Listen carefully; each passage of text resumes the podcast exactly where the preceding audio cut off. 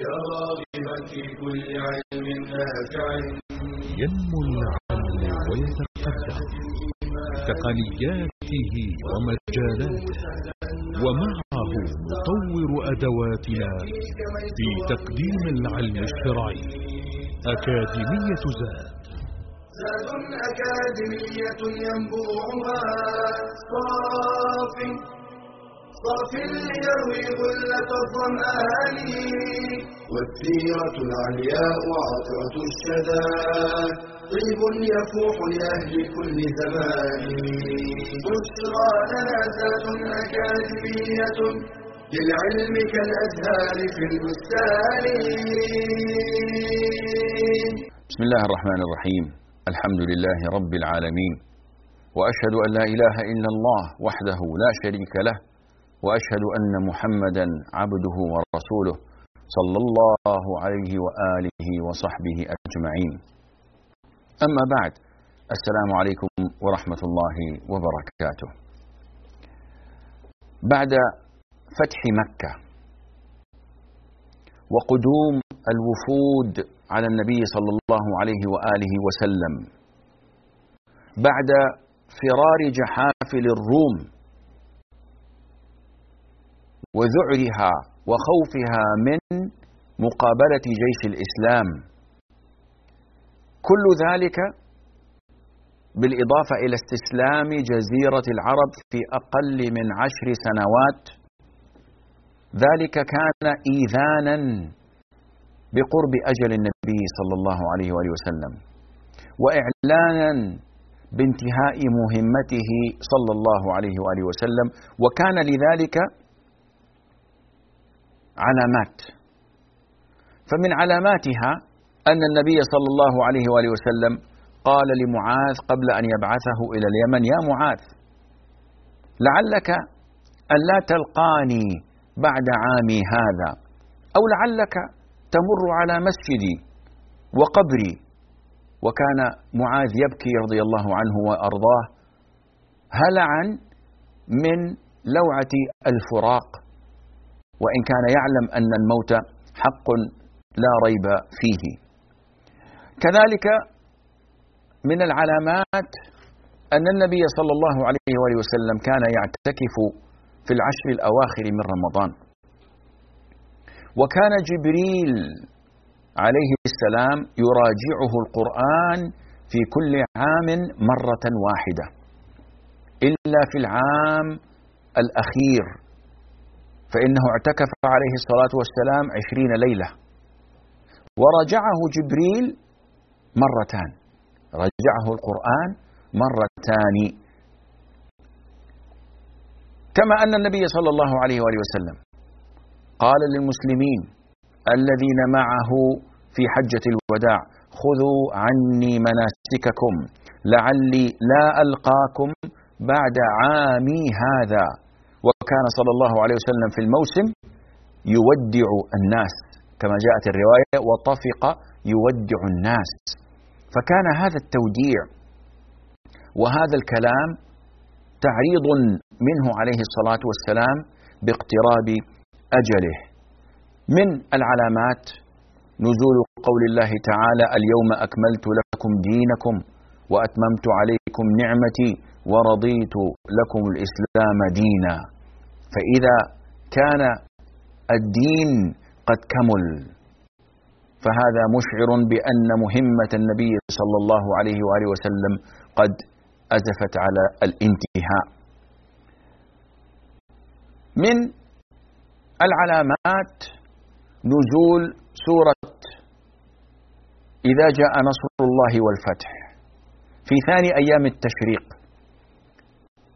وقد كان عمر رضي الله عنه وأرضاه. عندما كان أميرا للمؤمنين كان يجمع في مجلسه كبار الصحابة ويدخل معهم عبد الله ابن عباس ابن عبد المطلب رضي الله عنهما. حبر هذه الأمة ترجمان القرآن وابن عم النبي صلى الله عليه وسلم. فكان الصحابة يتذمرون. يقولون يعني يا عمر إن من أبنائنا من هم أقدم هجرة وأكبر سنا من ابن عباس. فسألهم ذات يوم أرأيتم قول الله تعالى إذا جاء نصر الله والفتح ماذا تعلمون فيها؟ قالوا كما هو ظاهر السورة أنه إذا جاء نصر الله والفتح وفتح الله تعالى البلاد عليك ورأيت الناس يدخلون في دين الله أفواجا فهذا حري بك أن تسبح الله وأن تدعوه وأن تستغفره فإن الله كان توابا. فسأل عمر رضي الله عنه ابن عباس فقال له يا ابن عباس ماذا تقول في هذه السورة أو في تلك الآيات؟ فقال هذا نعي الله تعالى لنبيه صلى الله عليه وآله وسلم بأنه قد دنا اقتراب أجلك فاجتهد في التسبيح والاستغفار فإن الله عز وجل تواب رحيم. فقال عمر والله ما أعلم منها إلا ما ذكرته يا ابن عباس. وهذا دليل على علم عبد الله بن عباس رضي الله عنهما ودليل على حكمة عمر. لأن بطانة عمر رضي الله عنه وأرضاه لم يكونوا من أولي الجاه والسلطان والمال بل كانوا من أولي الرأي من أولي الدين من أولي العلم. فالأمير يحتاج إلى العالم كي يدله وهؤلاء هؤلاء أي الأمراء والعلماء هم أولو الأمر منا. لا ينفك أحدهم عن الآخر ليعينه إما بالسلاح والسنان وإما بالرأي واللسان. فهذه السورة عندما نزلت كانت إشارة وبشارة إلى النبي صلى الله عليه وسلم باقتراب أجله. وقد جاء أيضا أن النبي صلى الله عليه وآله وسلم خطب أصحابه ذات يوم فقال إن الله خير عبدا بين الدنيا وبين ما عنده فاختار ذلك العبد ما عند الله عز وجل فبكى أبو بكر. فتعجب الصحابة يعني قالوا انظروا لهذا الشيخ يبكي على أمر ما فيه داعي للبكاء. الله عز وجل خير عبدا من عباده بين هذه الدنيا وبين ما عنده فاختار ما عند الله. النبي صلى الله عليه وآله وسلم كان يخبر عن نفسه. وأبو بكر علم من هذا التخيير أنه عن النبي صلى الله عليه وآله وسلم. لذلك بكى. فقال صلى الله عليه وآله وسلم إن أمن الناس علي في صحبته وماله أبو بكر. فهذا اعتراف منه عليه الصلاة والسلام بفضل أبي بكر وتقديره لصحبته فهو ثاني اثنين إذ هما في الغار وهو رفيقه في الهجرة وهو خليفته صلى الله عليه وآله وسلم. ما لا يدخل إلا يقول, ذهبت أنا وأبو بكر وعمر وجئت أو رجعت أنا وأبو بكر وعمر رضي الله عنهما. وقال عليه الصلاة والسلام ولولا أن صاحبكم خليل الرحمن لاتخذت أبا بكر خليلا وأمر بأن تسد كل الأبواب التي تدخل إلى المسجد إلا باب أبي بكر. وفي هذا أعظم إشارة إلى أن أبا بكر رضي الله عنه هو خليفته صلى الله عليه وآله وسلم. بالإضافة إلى ما سيأتي. النبي صلى الله عليه وآله وسلم اشتكى من هذا المرض الذي توفاه الله تعالى فيه بعد عودته من حجة الوداع بحوالي ثلاثة أشهر. فاشتكى تقريبا ما بين الأسبوعين تزيد يوما أو يومين أو تنقص. منهم من قال إنه اشتكى عشرة أيام. وأنه صلى الله عليه وآله وسلم استغرق عشرة أيام. نحن نعلم أنه توفاه الله عز وجل في يوم الاثنين يوم الثاني عشر من ربيع الأول. هذا باتفاق المسلمين. العجب العجاب أن الذين يدعون محبته عليه الصلاة والسلام يحتفلون في هذا اليوم زورا وبهتانا بميلاده. فيجعلون يوم الثاني عشر من ربيع يوم فرح وسرور وبهجة ويأتون بأمور مبتدعة وهم يعلمون يقينا أن الله توفاه في هذا اليوم. فهل هو يوم أحق بالحزن والشعور بالأسى أم هو أحق بالفرح والسرور وإظهار ذلك؟ طبعا كلا الأمرين منكر. فلا يظن ظان أنه لا والله إحنا ما نحتفل بالمولد يوم الثاني عشر لكن نجعله مأتما ونقيم سرادقا أو يعني نوزع الكذا يعني حزنا. لا هذا أمر أيضا منكر ومبتدع أعظم لأن الخير كل الخير في اتباع ما كان عليه القرون الثلاثة المفضلة. عليكم بسنتي وسنة الخلفاء الراشدين المهديين من بعدي. قال عليه الصلاة والسلام خير القرون قرني والذين يلونهم والذين يلونهم. إذا خير القرون قرن الصحابة والتابعين وتابع التابعين. وهؤلاء كلهم لم يكونوا يحتفلون لا بعيد مولده صلى الله عليه وآله وسلم ولا بعيد وفاته صلى الله عليه وآله وسلم. وقد توفاه الله تعالى وهو ابن ثلاث وهو ابن ثلاث وستين سنة. وبدء مرضه عليه الصلاة والسلام فعليا كما يقول أهل السير بدأ من العام السابع بعد خيبر. عندما دعته زوجة سلام بن مشكم اليهودية إلى شاة فقبل دعوتها عليه الصلاة والسلام. وهي وضعت في كتف الشاة السم الكثير. ووزعت وفرقت السم في أنحاء الشاة لكن خصصت الكتف لأن النبي صلى الله عليه وسلم كان أحب آه، اللحم إليه من الشاة الكتف. فالرسول صلى الله عليه وسلم استجاب دعوة المرأة اليهودية وأكل من تلك الشاة ولم يسألها أهي مذبوحة أم لم تكن مذبوحة؟ لأن اليهود من أهل الكتاب. فأهل الكتاب الأصل فيهم أنهم يذبحون. وما أمرنا أن نستقصي. وما سألها أهو من مال حلال أم من مال حرام؟ لأن الأصل أن الكسب إثمه ووزره على مكتسبه. فلهم أو عليهم الغرم ولنا الغنم ذهب وأكل عليه الصلاة والسلام لقمة واحدة. لاكها ثم لفظها. وأخبر صلى الله عليه وآله وسلم أن الله أنطق الشاة فأخبرته أنها مسمومة. معنا فاصل قصير. ابقوا معنا وبعدها سنواصل بإذن الله عز وجل.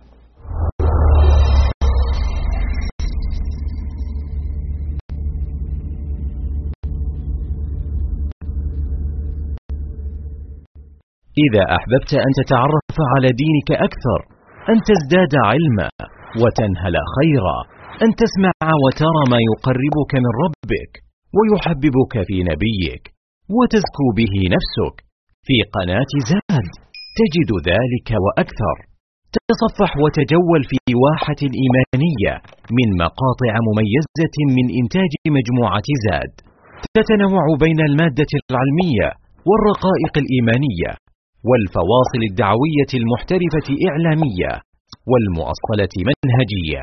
تخاطب الرجال والنساء الكبار والصغار. تدعو البعيد وتؤنس القريب. مقاطع motion graphic مميزة دورات علمية متخصصة فواصل درامية شيقة لقاءات دعوية ممتعة برامج تلفزيونية وندوات شرعية. شاهد شارك انشر.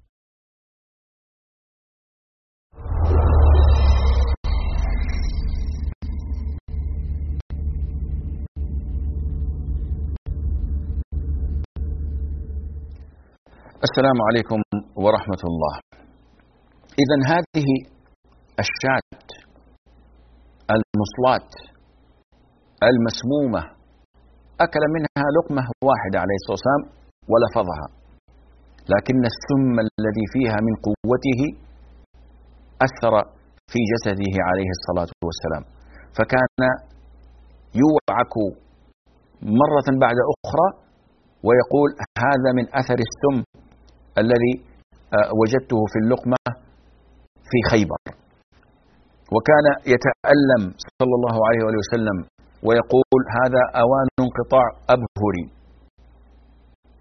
بسبب ذلك السم. وكان معه أحد أصحابه الذي أكل من الشاة ومات بسبب هذا السم وقتلت المرأة بعد أن عفى عنها النبي عليه الصلاة والسلام. يعني المرأة عندما سئلت لماذا فعلت ذلك؟ قالت أردت أن أعلم. إن كان نبيا فالله سيوحي له وينقذه. وإن كان دجالا أرحت الناس منه. فعفى عنها النبي عليه الصلاة والسلام فيما يتعلق بحقه. لكن أولياء الصحابي المقتول آه، أرادوا آه، القصاص فقتلت بوليهم أو بمن آه، تسببت في قتله ثم إن النبي صلى الله عليه وآله وسلم دخل ذات يوم قبيل وفاته على أمنا عائشة وكانت تشتكي من رأسها فقالت آه ورأساه تتألم. وهذا فيه دليل على جواز الإخبار بالحال. بعض الناس يذهب إلى أن التأوه والتوجع غير مشروع. يعني حتى أنه يروى أن الإمام أحمد رحمه الله كان في مرض موته وسأل من حوله عن التأوه فأخبروه أن طاووس رحمه الله قد روى أن يكتب على الإنسان كل شيء حتى تأوهه في مرض موته. فقالوا الرواية تقول إن يعني الإمام أحمد لم يتأوه بعدها. هذا إن صحت الرواية فهذا محمول على اجتهاد من الإمام رحمه الله أما ما يفعله الناس من أمور عادية مقبولة من التأوه من التوجع من الإخبار لا حرج فيه. أمنا عائشة تقول ورأساه يا رسول الله. فقال عليه الصلاة والسلام بل أنا يا عائشة ورأساه يعني أنا اللي أجد من الصداع الشيء العظيم. كيف بك يا عائشة. يعني يداعبها عليه الصلاة والسلام. يقول كيف بك إذا أنت مت فغسلتك وكفنتك ودفنتك. فقالت إذن يا رسول الله تذهب فتعرس عند أحد زوجاتك. يعني هي حتى في الموت هنالك الغيرة بين الزوجات. يعني أنت مت خلاص وانتهى الموضوع. لكن مع ذلك رضي الله عنها وأرضاها لا تحمل هم الموت بكثرة يعني بقدر ما تحمل أن الرسول يذهب إلى إحدى زوجاته صلى الله عليه وسلم أو يتزوج امرأة أخرى وعلى هذا جبلت النساء. أن الإنسان ينبغي أن يعرف كيف يتعامل مع النساء كيف تفكر المرأة ويقدر لها قدرها.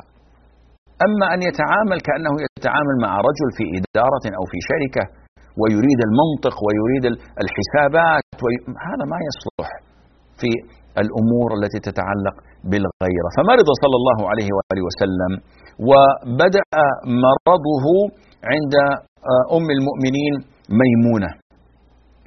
فأحس بصداع قوي وأحس بوعكة هذا المرض نزل به في أواخر صفر من السنة الحادية عشرة للهجرة المباركة. وثقل عليه الوجع وهو في بيت أم المؤمنين ميمونة فلم يستطع الخروج. ولما أحس بالتعب والمرض كان يسأل أين أنا غدا؟ أين أنا غدا؟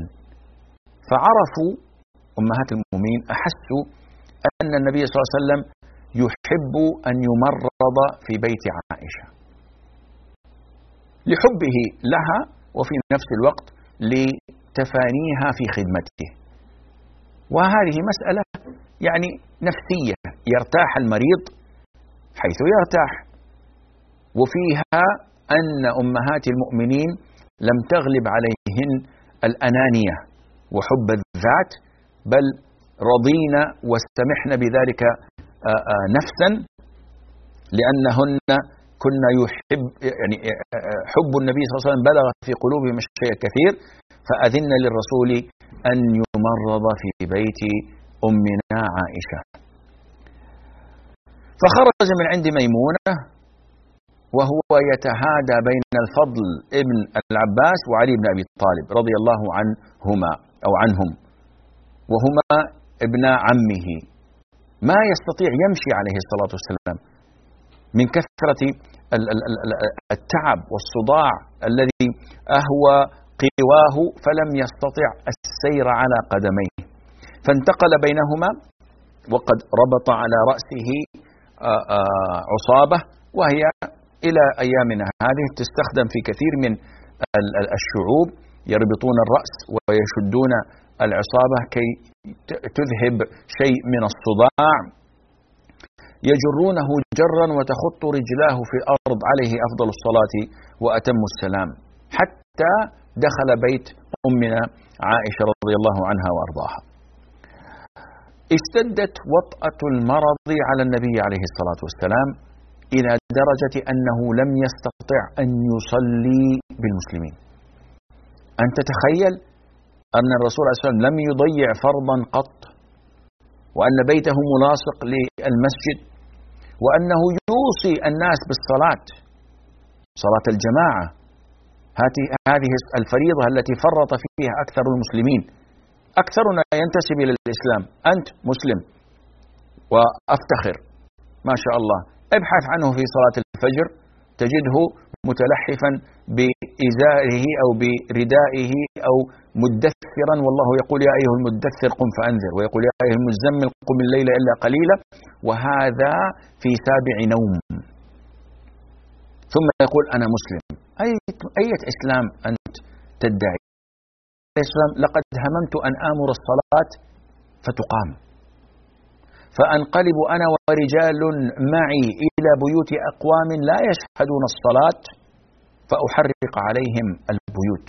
ولولا ما فيها من الرجال ولولا ما فيها من النساء والذرية لفعلت. صلاة الجماعة هذه الأصل. صعب أنك تجد إنسان يدعي الإسلام ويدعي طلب العلم يعني تجد إنسان في أكاديمية ما شاء الله ويتعلم العلم الشرعي ويتفقه ويكتب ثم صلاة الفجر لا تجده. صلاة العصر نائم صلاة العشاء مشغول. يت... يعني يبرر لنفسه هذه الأمور. ما هذا هو الإسلام حقيقة؟ النبي عليه الصلاة والسلام ما تخلف عن الصلاة قط لكن المرض له أحكامه.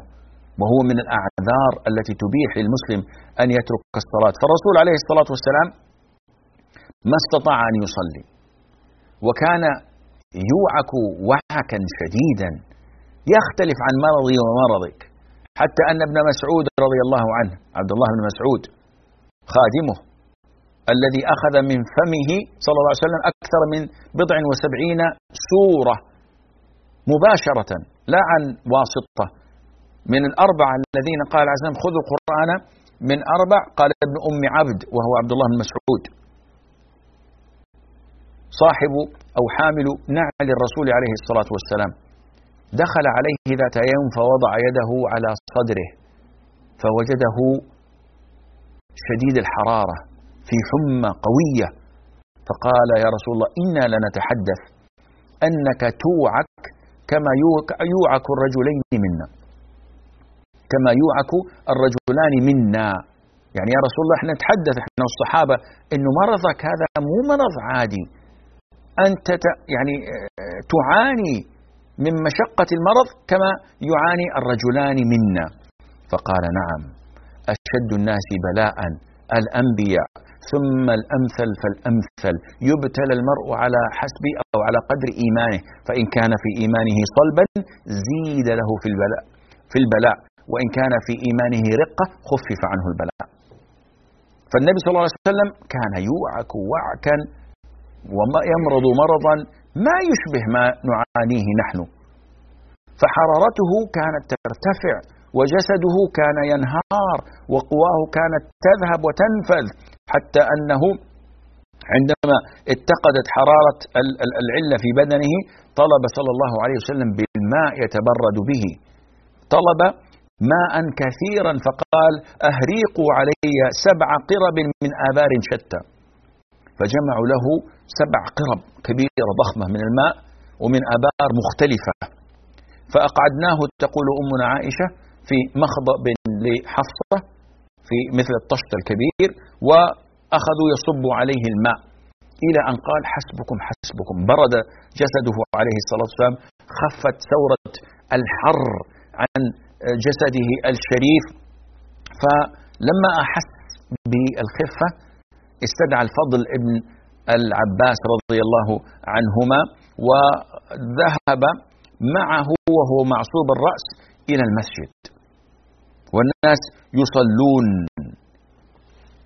فأخذ بيده وجلس على المنبر وقال نادي في الناس فاجتمعوا. وكانت يعني ظهيرة من سائر الأيام لكن الكآبة تعلوها لأن قلوب المسلمين قد ملئت بالكآبة لحال النبي صلى الله عليه وآله وسلم وتغمرها الرقة أنهم رأوا الرسول عليه الصلاة والسلام. فلما رأوه اشرأبت إليه الأعناق وانشرحت له الصدور. ينتظرون النور وينتظرون الهدي منه صلى الله عليه وآله وسلم. فأخذ يحدثهم وأخذ يربيهم على عهدهم به كما كان يفعل صلى الله عليه وسلم. أنصتوا لكنهم هذه المرة أنصتوا إلى أمر عجيب. لما النبي صلى الله عليه وسلم أحس بدنو أجله وأحس بأنه سيلقى الله ما أحب أن يلقى الله وفي البشر أحد يطلبه بشيء. فهو يتحرى العدالة في شؤونه كلها صلى الله عليه وسلم. كما قال أنا أمين من في السماء في الأرض. من يعدل إن لم أعدل؟ هذا كلامه عليه الصلاة والسلام.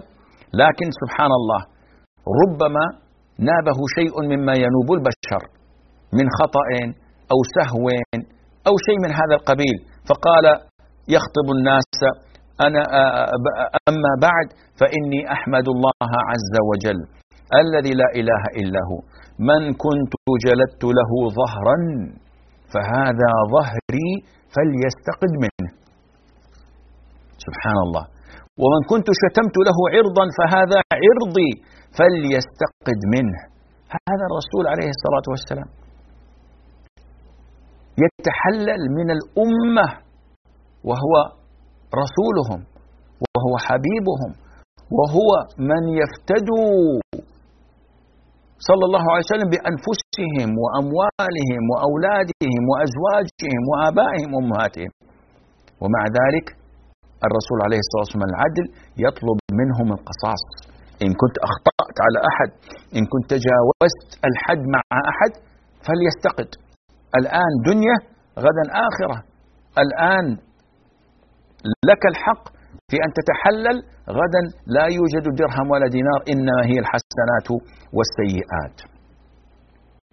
الصحابة رضوان الله عليهم تعلموا في هذه الأيام أمورا ما تعلموها في سنوات. هذا هو المعلم صلى الله عليه وآله وسلم يعلمهم العدل يعلمهم الحق يعلمهم أن لا يأتوا على الله عز وجل وعلى أكتافهم وظهورهم شيء من حقوق الناس. معنا فاصل قصير وبعدها نواصل بإذن الله عز وجل.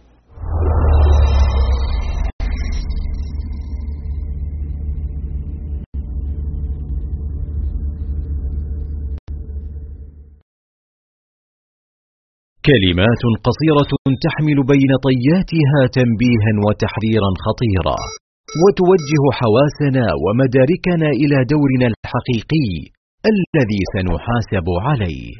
كلكم راع وكلكم مسؤول عن رعيته. فمن أهم أدوارنا الجديرة باهتمامنا في هذه الحياة التركيز على مسؤوليتنا تجاه رعيتنا. فالآباء والأمهات لهم الأثر الأعظم بعد الله في مستقبل الأبناء والأجيال.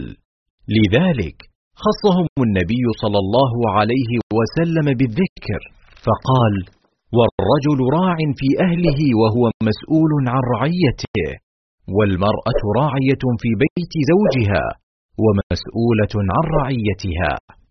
إن الأبناء زهرة الحياة وقرة أعين الآباء والأمهات وبصلاحهم ودعائهم ترفع الدرجات في الآخرة.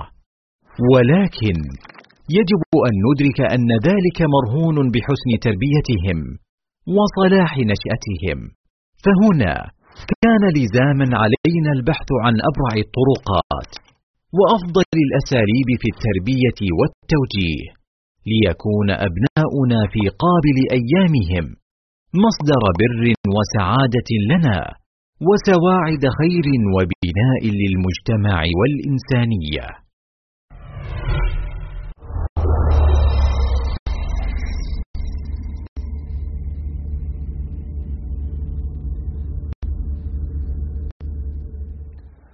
السلام عليكم ورحمة الله وبركاته.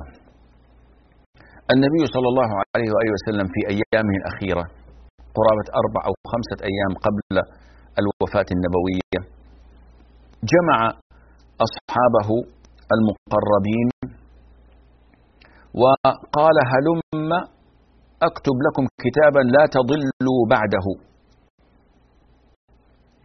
فاختلف الصحابة. وكان من المعارضين سيدنا عمر رضي الله عنه يقول ما حاجتنا إلى أن يكتب النبي صلى الله عليه وسلم لنا كتابا؟ وعندنا كتاب الله عز وجل وعندنا سنة الرسول صلى الله عليه وسلم. فخاف عمر أن يكون هذا من أثر الحمى. وقام الفريق الآخر من الصحابة ويقولون لا لابد أن نأتي وننفذ أمر النبي عليه الصلاة والسلام لعله أن ينيب أحدا. أو يستخلف أحدا أو يسمي خليفته من بعده. ربما سبحان الله فاختلف وارتفعت أصواتهم عند النبي صلى الله عليه وآله وسلم. ولا شك أن قول عمر رضي الله عنه حسبنا كتاب الله وأن النبي صلى الله عليه وسلم لم يكرر الطلب ولم يصر عليه عرف أن ذلك لم يكن من أمور الشرع أو الدين. لأن النبي صلى الله عليه وسلم لو كان عنده أمر من أمور الدين يريد أن يبلغه لم يثنه عن ذلك شيء. ولا يمكن أن يثنه عن ذلك شيء. لأن الله أمره أن يبلغ ما أنزل إليه. فالصحابة رضي الله عنهم وأرضاهم كانوا يراجعون الرسول عليه الصلاة والسلام في لم فيما لم يعزم عليه. وكان يرجع. يعني في أمور الرسول يراها عليه الصلاة والسلام ثم يحدثه الصحابة فيرى أن الشورى والرأي معهم فيرجع عن رأيه. كما أراد في غزوة الأحزاب في غزوة الخندق أن يصالح غطفان على شطر ثمار المدينة أو ثلث ثمار المدينة. سعد بن عبادة وسعد بن معاذ راجع النبي عليه الصلاة والسلام وأخبراه أن غطفان لم تكن تطمح وتحلم قبل الإسلام بشيء من تمر المدينة إلا قر الضيف. فهل هذا شرع وحي أم رأي ارتأيته؟ فقال إنما هو رأي ارتأيته أردت أن أنفعكم به. فقال لا حاجة لنا به. فنقض الرسول عليه الصلاة والسلام هذا الأمر برمته ولم يقبله ولم يمضه. فكان هذا الكتاب الذي أراد النبي صلى الله عليه وسلم أن يكتب بمحضره ومحضر الصحابة من باب الوصية كان أمرا ليس من الشرع قطعا. ولذلك النبي صلى الله عليه وآله وسلم يعني آه تركه لاختلافهم ولم يترك التبليغ لأن التبليغ لا يمكن أن يترك ولعل أن مما كان أراد أن يوصيهم به عليه الصلاة والسلام آه، أن يوصيهم بإنفاذ جيش أسامة بن زيد وأن يوصيهم بإجازة الوفود ونحو ذلك من الأمور كما آه، جاء في كتب السير. على فراش آه، الموت والفراش المرض دعا النبي صلى الله عليه وسلم فاطمة رضي الله عنها وأرضاها سيدة نساء الجنة فسارها بشيء فبكت ثم سارها بشيء آخر فضحكت. وأخبرت بعد وفاته عليه الصلاة والسلام أن النبي صلى الله عليه وسلم أخبرها أنه يموت في مرضه هذا فحزنت وبكت لذلك. ثم أخبرها بأنها أول أهله لحوقا به فضحكت من من من ذلك وكان هذا من علامات النبوة.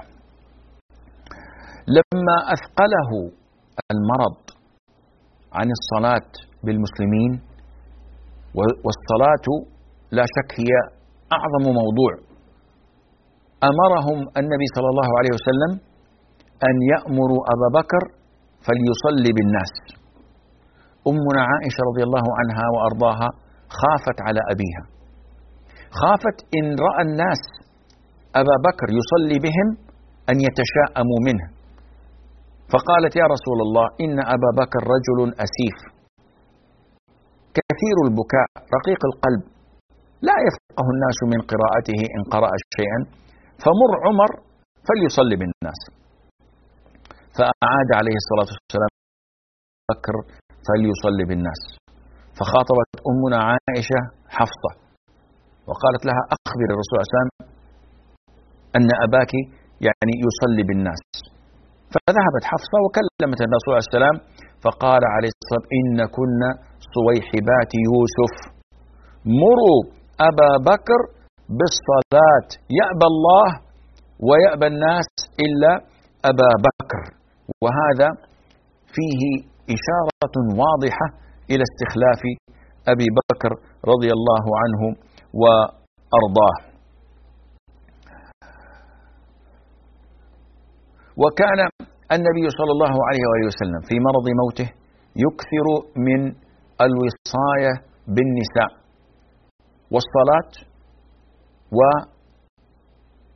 والأرقاء فكان يكثر من قول الصلاة الصلاة وما ملكت أيمانكم.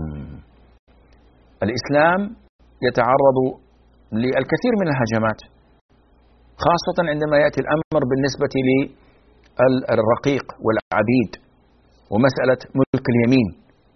لكن انظر ما أوصى به صلى الله عليه وسلم في الصلاة الصلاة وما ملكت أيمانكم. وهذا على الإغراء أنكم حافظوا واتقوا الله وارعوها حق الرعاية. وفي صلاة فجر يوم وفاته.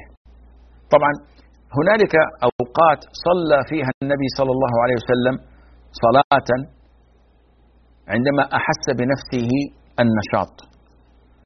فدخل وإذ بالمسلمين في الركعة الأولى. فتأخر أبو بكر وكان الإمام. وجلس النبي صلى الله عليه وآله وسلم وعلى يمينه وقف أبو بكر. فصلى النبي صلى الله عليه وسلم قاعدا وأبو بكر قائما والصحابة قيام من خلفه يأتمون بصلاة أبي بكر. هذه صفة من من صفات صلاة العاجز. إن كان عاجزه طارئا.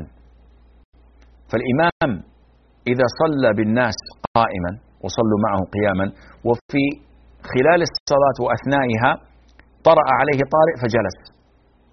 فإنهم يؤمرون بالاستمرار في صلاتهم قياما. بخلاف لو أن الإمام بدأ صلاته قاعدا كما حصل في إحدى الغزوات عندما الرسول عليه السلام آه، أصيب في قدمه فصلى قاعدا وأراد الصحابة أن يصلوا قياما. من بداية الصلاة الرسول كان قاعدا فأشار إليهم أن اجلسوا. فجلسوا وصلوا معه الصلاة كاملة وهم قعود. هذا إذا كان الإمام ابتدأ الصلاة قاعدا. وقد جاء ذلك صريحا في الحديث. في فجر اليوم الذي هو الاثنين والصحابة والمدينة والدنيا ملؤها الاكتئاب والضيق والهم. لأن روح هذه الدنيا ومصدر الهدى كان النبي صلى الله عليه وآله وسلم وقد مرض. في هذا اليوم وهم يصلون صلاة الفجر كشف الرسول صلى الله عليه وسلم الستار عن بيته ونظر إلى المسلمين وهم في صفوف الصلاة حيث أمرهم وعلمهم فانشرح صدره وتبسم. وضحك وكأنه يودعهم. وهم المسلمون أن يفتتنوا في صلاتهم. تخيل وأن تصلي وإذ بك ترى ذاك النور يأتيك من حجرته عليه الصلاة والسلام فتختلف النظر فإذا به هو يضحك وينظر بأبي هو وأمي.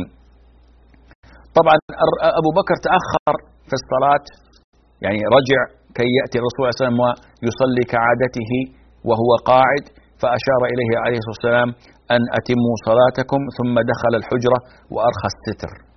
يقول أنس ما رأيت رسول الله صلى الله عليه وآله وسلم أحسن هيئة منه في تلك الساعة. فرجع النبي صلى الله عليه وسلم إلى حجرته وظن المسلمون أن الرسول قد أفاق من وجعه. وهذا يحصل عند قدوم الوفاة واقتراب الأجل كثير من الناس تعود لهم الحياة بأقوى ما تكون.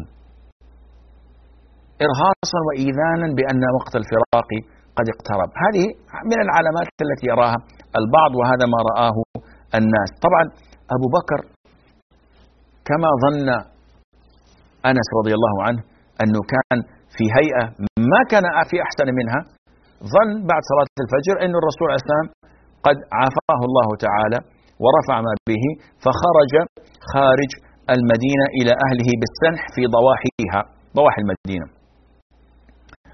ودخلت عليه فاطمة وهو في مرضه فقالت وكرباه أو وكرب أباه. فقال لها ليس على أبيك كرب بعد اليوم. قالت أمنا عائشة رضي الله عنها عاد الرسول عليه الصلاة والسلام من المسجد واضطجع في حجري ودخل علينا عبد الرحمن بن أبي بكر. وكان صلى الله عليه وسلم في قمة التعب وفي قمة الإرهاق. أمنا عائشة في هذه الفترة كانت ترقي الرسول عليه الصلاة والسلام وكانت تجمع كفيه الشريفة وتقرأ فيهما بالمعوذات وتمسح على جسده بيديه رجاء بركتهما على جسده الشريف.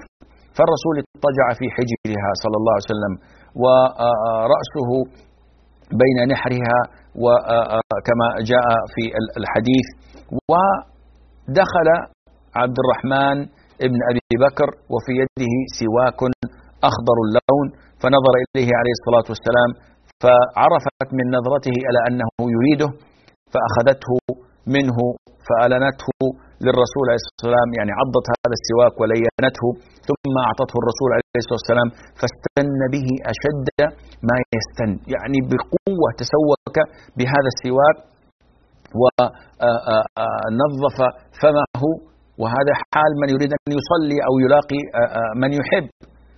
ثم وضع السواك وأدخل يده في إناء وجعل يمسح على وجهه بالماء ويقول لا إله إلا الله إن للموت سكرات. تقول ووجدت النبي صلى الله عليه وسلم يثقل في حجري فذهبت أنظر في وجهه فإذا نظره قد شخص يعني خلاص أخذ ينظر إلى السماء ويقول بل الرفيق الأعلى في الجنة. فعرفت أن النبي صلى الله عليه وسلم يخير وما من نبي يقبض إلا ويخيره ملك الموت. إن كان يريد الاستمرار في الدنيا أم يريد يقبض فعلمت أنه يخير وقبضت روحه صلى الله عليه وآله وسلم وحج ورأسه في حجر أمنا عائشة حين اشتد الضحى. وقيل حين زوال الشمس. ودخل أبو بكر وكان غائبا فكشف عن وجه النبي صلى الله عليه وآله وسلم وقبله وخرج إلى الناس وهم بين منكر ومصدق. فرأى عمر يكلم الناس منكرا موت النبي عليه الصلاة والسلام. فاجتمع الناس على أبي بكر فقال أيها الناس طبعا أبو عمر يهدد لا يأتين الرسول عليه الصلاة والسلام من غيبته كما غاب موسى أربعين يوما وسيقطع أيدي وأرجل أقوام يدعون أنه قد مات. سكته أبو بكر فلم يستمع لأنه ما كان في وعيه. فاعتلى المنبر وحمد الله وأثنى عليه.